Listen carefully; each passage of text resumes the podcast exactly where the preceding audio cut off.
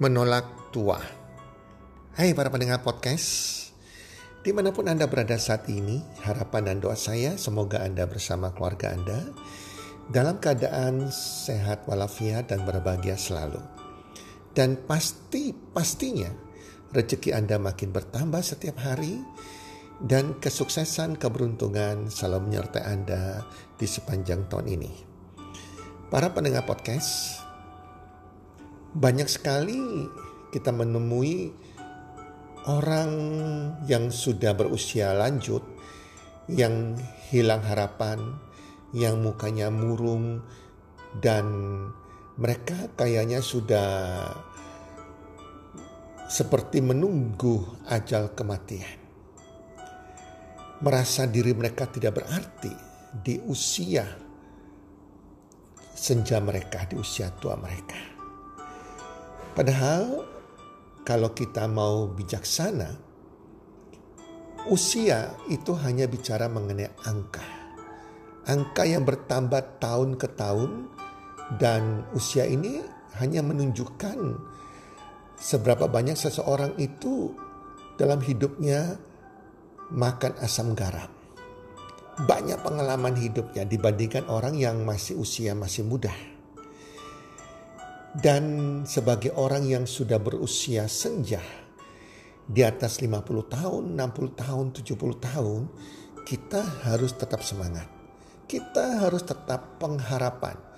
Kita harus tetap menjalani hidup ini dengan bahagia. Seorang guru besar Fakultas Kedokteran UNER Surabaya, seorang ahli neurolog dan psikiater yang sangat senior yaitu Profesor Dr. Dr. Sujunus pada mengatakan demikian.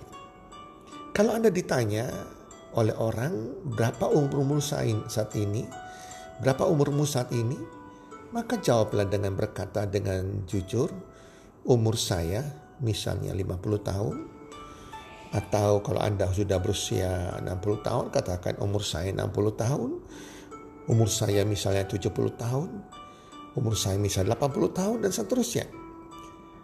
Jangan pernah menjawab dengan kalimat saya sudah tua. Karena menurut penelitian banyak orang yang sudah usia senja selalu mengatakan oh saya sudah tua. Ditanya umurnya malah menjawab saya sudah tua. Kata tua secara psikologis akan sangat berdampak mempengaruhi dan menurunkan semangat dalam hidup sehari-hari Anda. Kata tua akan berkonotasi berakhirnya fase perjuangan hidup. Berakhirnya fase perjuangan hidup sehat dan memasuki era pasif. Sehingga orang-orang tua yang berusia lanjut karena merasa dirinya mereka sudah tua. Sehingga mereka hanya beribadah saja, mempersiapkan kematian mereka, maaf tanda petik, hanya rajin beribadah dan paling jauh ya nungguin cucu, menjaga cucu. Para pendengar podcast, beribadah dan beraktivitas kerja adalah satu kesatuan yang tidak boleh terpisah. Jadi bukan saja orang yang sudah usia lanjut yang rajin beribadah dan sudah pasif dalam perjuangan hidup mereka. Gak bisa demikian seharusnya. Usia kita berapapun sudah menjelang usia senja, memasuki usia senja, sudah usia senja sekalipun, beribadah dan tetap beraktivitas kerja itu harus jadi satu kesatuan yang tidak boleh dipisahkan. Kata tua, kenapa kita nggak diizinkan menyebutkan saya sudah tua? Karena kata tua di bawah alam sadar kita akan menimbulkan rasa kesedihan. Kita mengenang masa muda ketika masih kuat, gagah, dan rupawan kita masih membawa kita terbayang masa jaya, ketika masih memiliki jabatan, kekuasaan, ataupun power.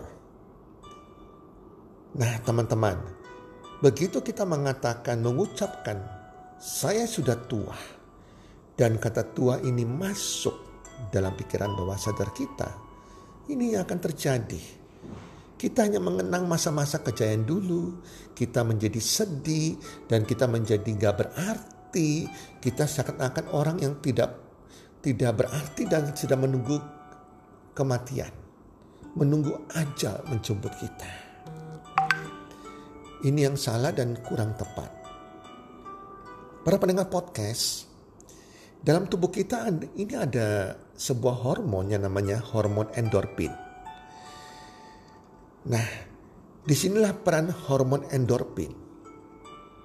Contohnya sebagai berikut kita pasti sering melihat ada dua orang yang usianya sama, misalnya sama-sama usia 60 tahun, mereka bersahabat lama. Namun anehnya yang satunya kelihatan awet muda, yang satunya kelihatan lebih tua dari usianya. Mengapa demikian? Ternyata penyebabnya adalah perbedaan kebiasaan dalam kehidupan. Orang yang tampak awet muda tersebut yang lebih muda tersebut ternyata ia periang, ia suka humor, ia tidak pemarah, ia tidak dengki, ia tidak iri hati, dan ia ikhlas dalam meniti kehidupan sehari-hari. Orang tersebut juga orang yang tenang, sabar dalam menyelesaikan setiap persoalan. Dia bisa bersyukur dan ikhlas dalam meniti kehidupan sehari-hari dan tidak pernah mencampuri dan sok mengatur masalah orang lain. Setiap kita merasa senang, kita merasa tenang, kita merasa bahagia dan kita tertawa, itu akan keluar hormon endorfin yang diproduksi oleh otak dan kelenjar pituitari. Jadi hormon endorfin ini adalah hormon yang luar biasa yang Tuhan berikan. Yang sering dikatakan hormon joy, hormon sukacita. Karena hormon ini akan diproduksi oleh tubuh. Kalau kita merasa joy, kita merasa bahagia, kita merasa senang, kita merasa sukacita, kita selalu tertawa bahagia. Tingginya kadar hormon ini akan membuat perasaan kita senang dan enjoy perasaan kita bahagia, dan tubuh kita lebih kuat menghadapi penyakit. Kita lebih kelihatan awet muda. Semua adalah peranan dari hormon endorfin ini.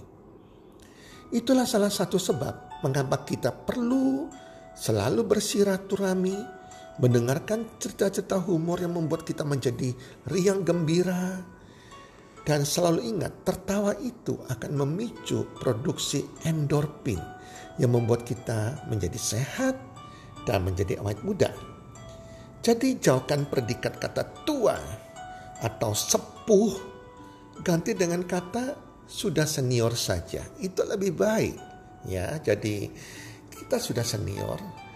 Jangan katakan kita sudah tua atau sudah sepuh. Jangan lupa selalu memproduksi hormon endorfin kita. Sehingga hormon itu, hormon ini akan membuat kita selalu sehat, kita selalu bahagia, kita penuh semangat, dan pastinya kita lewati hari-hari itu dengan bahagia. Usia boleh bertambah, tetapi kita tetap dalam usia yang makin memasuki usia senja dan sudah usia senja, sudah istilahnya senior, kita tetap bahagia. Kita tetap semangat. Kita tetap bisa berkarya, bekerja sesuai dengan usia kita. Kita tetap melakukan sebuah kegiatan sosial, apa pun itu, kita harus tetap bekerja dan berkarya di usia senior kita. Lewati hari ini dengan bahagia. Be happy dan produksi terus hormon endorfin kita. Oke teman-teman, semoga podcast kali ini bermanfaat bagi Anda semua. Dan salam sukses, salam endorfin dan salam sukses. One, two, three.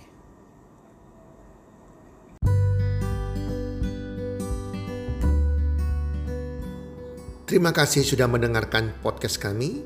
Teman, jika Anda rasa bermanfaat podcast kami ini, Anda bisa menginfokan kepada rekan kerja Anda, keluarga Anda, teman ataupun sahabat Anda. Dan jika ada hal-hal yang Anda ingin tanyakan kepada kami ataupun topik-topik apa yang Anda ingin kami bawakan, kami sampaikan, Anda bisa DM kami di Instagram kami healthcommunity.id. Salam one two three, salam sehat, sejahtera dan bahagia.